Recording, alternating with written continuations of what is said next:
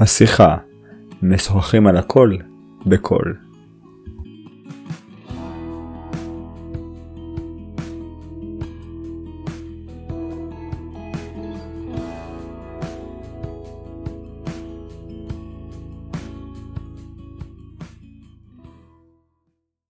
היי לכולם, אני רוצה לפתוח בשאלה הראשונה. השאלה עוסקת בבושה. שאלה, נמאס לי כבר להיות אשם. אחרי עשרות פעמים שאני אוכל לעצמי את הלב, איך נפלתי? כבר נמאס לי ונשבר לי, שחררו אותי מלאכול לעצמי את הראש. להתבאס, להיות בדאון. יאללה, לא צריך את הכאב ראש הזה, בשביל מה כל הזמן להיות עצוב? זו שאלה שהיא נהדרת בעיניי, כי היא מלמדת על בריאות נפשית מאוד גדולה, ואני אסביר גם למה. בשביל זה אני צריך להסביר דבר ראשון מה זה בושה ומה זה אשמה. אשמה זה דבר שמגיע מהחברה כלפי חוץ פנימה. כשילד עובר את הכביש ומישהו צועק לו, ילד, מה אתה עושה? אתה מסכן את עצמך, הוא מאשים אותו, הוא אומר לו, אתה לא בסדר. יש פה האשמה. לאט לאט כשילד גודל, הוא לומד לאט לאט להבין מה מסוכן, מה לא טוב, מה לא בסדר. אחרי שהאשימו אותו ואמרו לו, נו נו נו, תיזהר, אל תיגע בחשמל, אל תעשה את זה, ואת זה, ואת זה, ואת זה, לאט לאט הוא צובר בתוכו הבניה והבנה מה זה, אה, אה, מה לא אסור, אסור לעשות. ואז, כאשר יש לו מערכת חוקים פנימית בתוך עצמו מה מותר ומה אסור, הוא בעצם מתחיל עם הבושה. הבושה בעצם זה רגש פנימי עמוק, שמכווין את הבן אדם מה מותר לו ומה אסור לו. לכן, גם אדם שיהיה אה, ילד, שיהיה לבד עם עצמו, הוא מתבייש בעצמו. הוא לא צריך את מישהו האחר שיאשים אותו אותו לא בסדר. הוא יודע טוב מאוד. הוא מתבייש בעצמו ויודע שהוא לא בסדר. לכן, הבושה היא הרבה יותר עמוקה, הרבה יותר כואבת. כי אם מישהו מאשים אותי, אז יכול להיות שלא אכפת לי ממנו. מי זה? הוא? איזה מעניין מה שהוא אמר לי, זה לא מעניין אותי מה הוא אמר לי, האשמה פה לא מעניינת אותי. כי מבחינתי הוא לא חשוב, הוא לא מעניין אותי. הבושה היא הרבה יותר כואבת, כי הבושה היא בתוך עצמי. אני מרגיש שאני לא בסדר, ולכן כשהאדם הרבה הרבה זמן מתבייש בעצמו, הוא לאט לאט מתפרק. גם האשמה זה דבר נורא, אבל הבושה היא הרבה יותר אובססיבית כי היא מתוכך. היא האשמה עצמית לאורך זמן, והיא הרבה הרבה יותר כואבת. עכשיו, כל אחד מבין שמי שסובל הרבה הרבה זמן, לא יכול לשרוד הרבה זמן עם הכאב הזה. אתה אומר לעצמך, רק רגע, אם אני יכול להוריד לעצמי את הכאב הזה, אני אעשה כל דבר שיפסיק להכאיב לי. ולכן, כשילד אומר לי, תעזוב אותי מהבושה הזאת, תעזוב אותי מהאשמה הזאת, תעזוב אותי מהכאב ראש הזה, אני אומר, הילד בריא. למה? הילד מנסה להסיר את הכאב מעצמו. רק יש לזה בעיה קטנה. בשביל להבין את זה, אני אספר סיפור קצר. כשהייתי חייל, ההורים שלי טסו ללונדון. והרכב נשאר בבית. אני בתור uh, חייל שיוצא לאיזו חופשה קצרה, אז אמרתי לעצמי, בטח, אני אקח את הרכב. נכון שאבא שלי לא הסכים, ואפילו לא ידע, אבל כולנו ידענו איפה המפתחות נמצאים של האוטו. ואז uh, אמרתי לעצמי, ניקח את האוטו לסיבוב, מה כבר יכול לקרות? אני מכיר את האוטו, נהגתי עליו כמה פעמים, אמנם עם אבא שלי ועם רשותו, הפעם זה היה בלי רשות. ונסענו ל... אה, היה איזה מפגש משפחתי, והיה נחמד מאוד, ובדרך הזו אני נסע עם האוטו, וגרנו ביישוב, ובעליות והירידות של ה... בדרך ליישוב, הנורה האדומה מתחילה להבהב לי, של האוטו. אז אה, אני ישר עוצר את האוטו בצד, ומחכה שהנורה תתקרר, כי כולנו מבינים דבר אחד. כשהמנורה האדומה דולקת, זה אומר שהמנוע חם. מנוע חם, זה אומר שהוא יכול להתפוצץ. אם המנוע מתפוצץ, זה נזק של אלפי שקלים לרכב, זה כאב ראש לא נורמלי. בקיצור, אתה לא נוסע כשהאוטו, אה, הנורה המהבהבת דולקת. בסדר, מחכה בצד, מחכה, מחכה, מחכה, שם מים עד אה, מה שאפשר, ומחכה שהנורה תכבה, ואתה ממשיך לנסוע עוד כמה מטרים, נוסע, נוסע, נוסע, ועוד פעם נורה נדלקת. ועוד פעם אני יוצא בצד, ועוד פעם אני נדלקת, ואני יוצא בצד.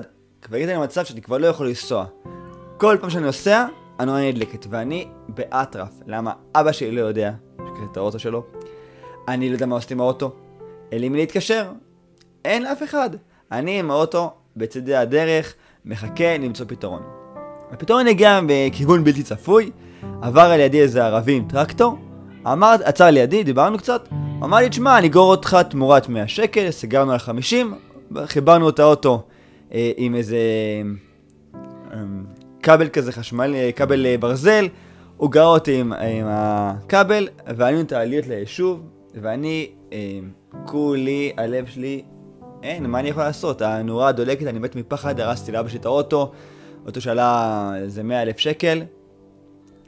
אני מגיע, מכין את האוטו בחנייה, וטוב, חוזר לצבא, נגמר החופשה, אני חוזר לצבא, אחרי כמה ימים ההורים שלי חוזרים מחו"ל, ואני כזה לא אומר כלום, אני לא אה, רוצה לעורר את הסיפור הזה. ואז כמובן שואל את אבא שלי, תגיד לי, מה שלום האוטו? אז הוא אומר לי, מה זאת אומרת, מה שלום האוטו? בסדר גמור, מה הבעיה עם האוטו? זה לא, תגיד לי, אין איזה משהו מיוחד באוטו ואיזה בעיה עם הנורה או עם המנוע? אמר לי, אה, כן, כן. הייתה לי בעיה עם הנורה, הנורה כמובן נדלקה וזה לא קשור לאוטו, זה פשוט קשור בעיה עם הנורה. עכשיו, צחקתי מאוד, לצערי הרב לא סיפרתי לאבא שלי את האמת, אה, אבל, אבל אז למדתי משהו חשוב. לפעמים כשהמנורה האדומה דולקת יותר מדי, אז זה בעיה. כי כשאין הלימה בין הנורה האדומה לבין מה שהיא מסמלת, אז אתה לא יכול לדעת מה שלום המנוע באמת. זאת אומרת, אם אתה רואה את הנורה האדומה אומרת כל הזמן, מהבהבת, מהבהבת, מהבהבת, ואתה אומר לעצמך, יאללה, את מי זה מעניין, כבר הנורה עצמה תפוקה, אז כשהמנוע האמת יתפוצץ, אתה לא תדע את זה. אני רוצה לדמות את הבושה למנורה האדומה הזאת. זאת אומרת, כשאדם עושה משהו לא טוב, אז נדלקת המנורה האדומה אומרת לו, אתה לא בסדר. אוקיי. ואז הוא יודע, אני לא בסדר, אני צריך לעשות משהו עם עצמי, אני צריך לחזור בתשובה, אני צריך לטפס על עצמי. הוא מבין שמשהו לא בסדר, כי הבושה בעצם גורמת לו אה, להתעורר. עכשיו, כשיש משהו שהבושה כל הזמן עובדת, הנורה כל הזמן דולקת, אז, אז אדם אומר לעצמו, חלאס, לא אכפת לי המנורה הזאתי, שתדלק, שתעבב, שתתפוצץ, לא מעניין אותי. כשהבושה אה, למעשה נהפכת לעול, היא בעצם גורמת לך לאבד את המצפון הפנימי שלך. לאבד את, ה, את ה, מי שאומר לך, אני לא בסדר. עכשיו, לפעמים זה טוב מאוד, כי כשהמנורה כמה נדלקת, והמנוע בסדר גמור, ואתה בסדר גמור, אבל המנורה דולקת, ומתריעה, ומכאיבה, ומעצבן אותך בעיניים, אז כן צריך לדעת איך לעצור את הבושה. וכאן אני חוזר לשאלה ההתחלתית שאומרת, הילד שואל שאלה פשוטה. נמאס לי מהבושה. מה בעצם זה אומר? שנמאס לו כל הזמן לסבול, לראות את המנורה המהבהבת, את האדום, לראות שלא בסדר. הוא, הוא לא מסוגל כבר לראות את הדבר הזה. וזה אומר שיכול להיות מאוד, או שהוא במעמקי החטא, ובאמת הבושה שלו צריכה לעבוד כי הוא באמת עשה משהו נורא ואיום, או שהנורה מאוד מאוד רגישה. הוא אשם, הוא מרגיש אשמה בצורה מאוד מאוד, הרגישות יתר יש לו לבושה. זאת אומרת, המנורה כל שנייה נדלקת, כל שנייה מעבבת, כל שנייה מקפיצה אותו. ו- וזה נשמע מצחיק שזה נורא, כולה נורא אדומה מערבת, אבל כשזה בושה וזה כאב וזה השפלה ותחושת כישלון, אני אפס, אני לא שווה שום דבר, מה אני, מי אני, אה, זה, זה צריבה מאוד עמוקה בפנימית ש- שאין מה לעשות איתה, אתה לא יכול לברוח ממנה. ולכן אני יכול מאוד להבין את האדם אומר, נמאס לי מהבושה, תשחררו אותי מזה. רגע לפני שאני מגיע לפתרון שאני מציע, אני רוצה להגיד משהו חשוב מאוד על אבולוציה של שאלות. זאת אומרת, זה תהליך שמתבגרים עוברים. בהתחלה המתבגרים תמיד שואלים, אני אשם, מה אני עושה עם זה? זאת אומרת, ילד שמרגיש אשמה על זה שהוא אונן, על זה שהוא אה, לא שומע את העיניים, על זה שהוא עשה מעשה אסור, שהוא עשה דברים לא בסדר. הוא אוכל את הלב, ואז הוא מגיע עם שאלה, מה עושים עם זה? זה כשהמנורה נדלקת למעשה, ואז אומר, אוקיי, איך אני מתקן את המנוע? זה שלב ראשון. השלב השני קורה בדרך כלל שילדים מגיעים, או ילדים מאוד רגישים, או מאוד צדיקים, או ילדים שמאוד מאוד חוטאים, הם מגיעים לשלב השני, שאומרים, אני כבר לא מסוגל לשאת את האשמה והבושה, אני לא מסוגל. אני כל הזמן אשם, אני כל הזמן כישלון, אני כל הזמן אה, אה, נופל, אני כבר שבעתי כבר מה... להיות אשם, נמאס לי כבר להיות אשם. זה השלב השני. השלב השלישי מגיע כשיש שבירה מוחלטת. כשאדם מרגיש שכבר הוא לא מסוגל לסבול, הוא כבר לא מסוגל את השם, נמאס לו מהבושה, ולכן הוא מחליט שלא אכפת לו מהכל. ואז הוא מגיע לתחושה שלא אכפת לו. ואז מגיעה השאלה, לרוב, אני מאוד מאוד מודאג שלא אכפת לי. זאת אומרת, אם נדמה את זה לנורה, הראשון שואל, יש לי נורה אדומה, מה אני אעשה עם המנוע? השני שואל, יש לי נורה אדומה שדואגת כל הזמן, מה הבעיה פה, מה אני עושה עם הנורה הזאתי? השלישי אומר, אני רואה את המנורה האדומה אותי, ולא אכפת לי ממנה, ואני יודע בתוך תוכי עמוק עמוק שזה לא בסדר. אני צריך להתייחס אליה, אני צריך לדעת מה עושים איתה. לכן זה אבולוציה שהשואל פה נמצא בשלב השני. זאת אומרת, הוא כבר נפל ו- ופגם וחטא כבר הרבה פעמים, והבושה שאוכלת אותו מפריעה לו מאוד. אז צריך להבין שעדיין יש לו עוד אה, שלבים לעבור ו- ומצבו טוב, זאת אומרת הוא לא המצב הכי גרוע. נכון, שעדיף לטפל בדברים האלה כשבהתחלה, כשאתה חוטא ואז אתה חזר בתשובה, אבל גם פה, גם פה בהחלט אה, אה, מגיעה התשובה ואומרת לך, אפשר להתחיל הכל מההתחלה.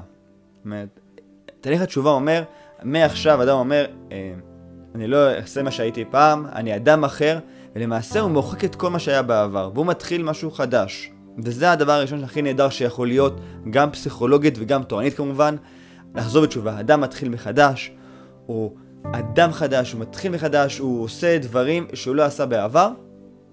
הוא, הוא, כל הסיפור מאחוריו. וזה דבר נהדר. זה, זה דבר כאילו קל להגיד בשתי משפטים, אבל בגדול זה התשובה הראשונה שלי.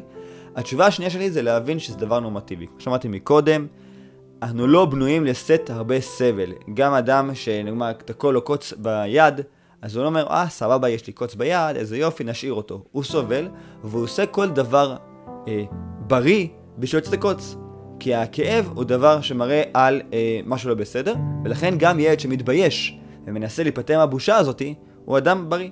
כי הוא סובל מזה, הוא מנסה להיפטר מזה. השאלה מה הוא עושה עם הדבר הזה, זה כמו אדם שסובל אה, מקוץ, אז הוא אומר, מה הפתרון? אני אדים את היד. טוב, זה לא פתרון אמיתי, זה פתרון של בריחה. אבל צריך להבין שהבסיס הוא בסיס טוב.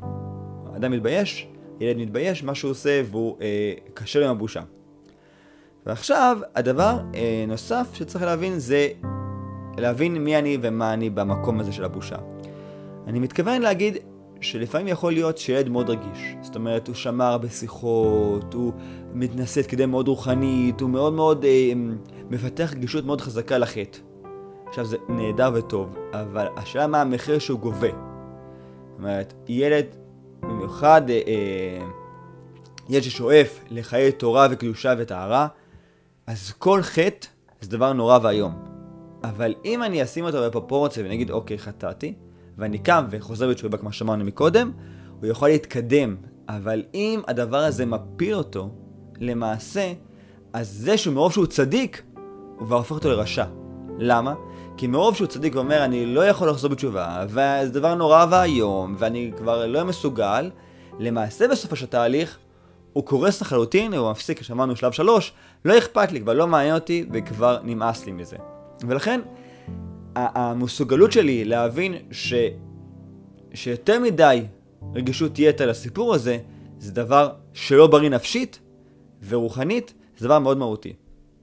אז אני מסכם. בושה ואשמה זה דבר נהדר. כי ככה הילד יודע מעצמו מה טוב לעשות, מה לא טוב לעשות, הוא לא צריך שיפקחו עליו כל הזמן, כי הוא יודע מעצמו מה צריך לעשות. אבל, כשזה מגיע ברגישות יתרה, כשזה מגיע בצורה לא נכונה, כשהתגובות לא בפרוצונליות, אז פה צריך לעשות חושבים, לעצור ולהבין איפה אני נמצא בסיפור הזה. אז אני מקווה שנתתי ככה כיווני מחשבה, אז תחשבו על זה. אם יש לכם עוד שאלות, אני אשמח לשמוע, שלחו לי לטלפון לפלאפון שלי 052-8308-144, אפשר לפייסבוק שלי, עופר סיוון, אפשר כל דרך אפשרית, אפשר בצורה אנונימית, כל מה שתראו לנכון, זה בסדר גמור, ואם השעה טובה, אני אענה עליה בפעם הבאה. שיהיה לכם הרבה בהצלחה, ונשמח לשוחח.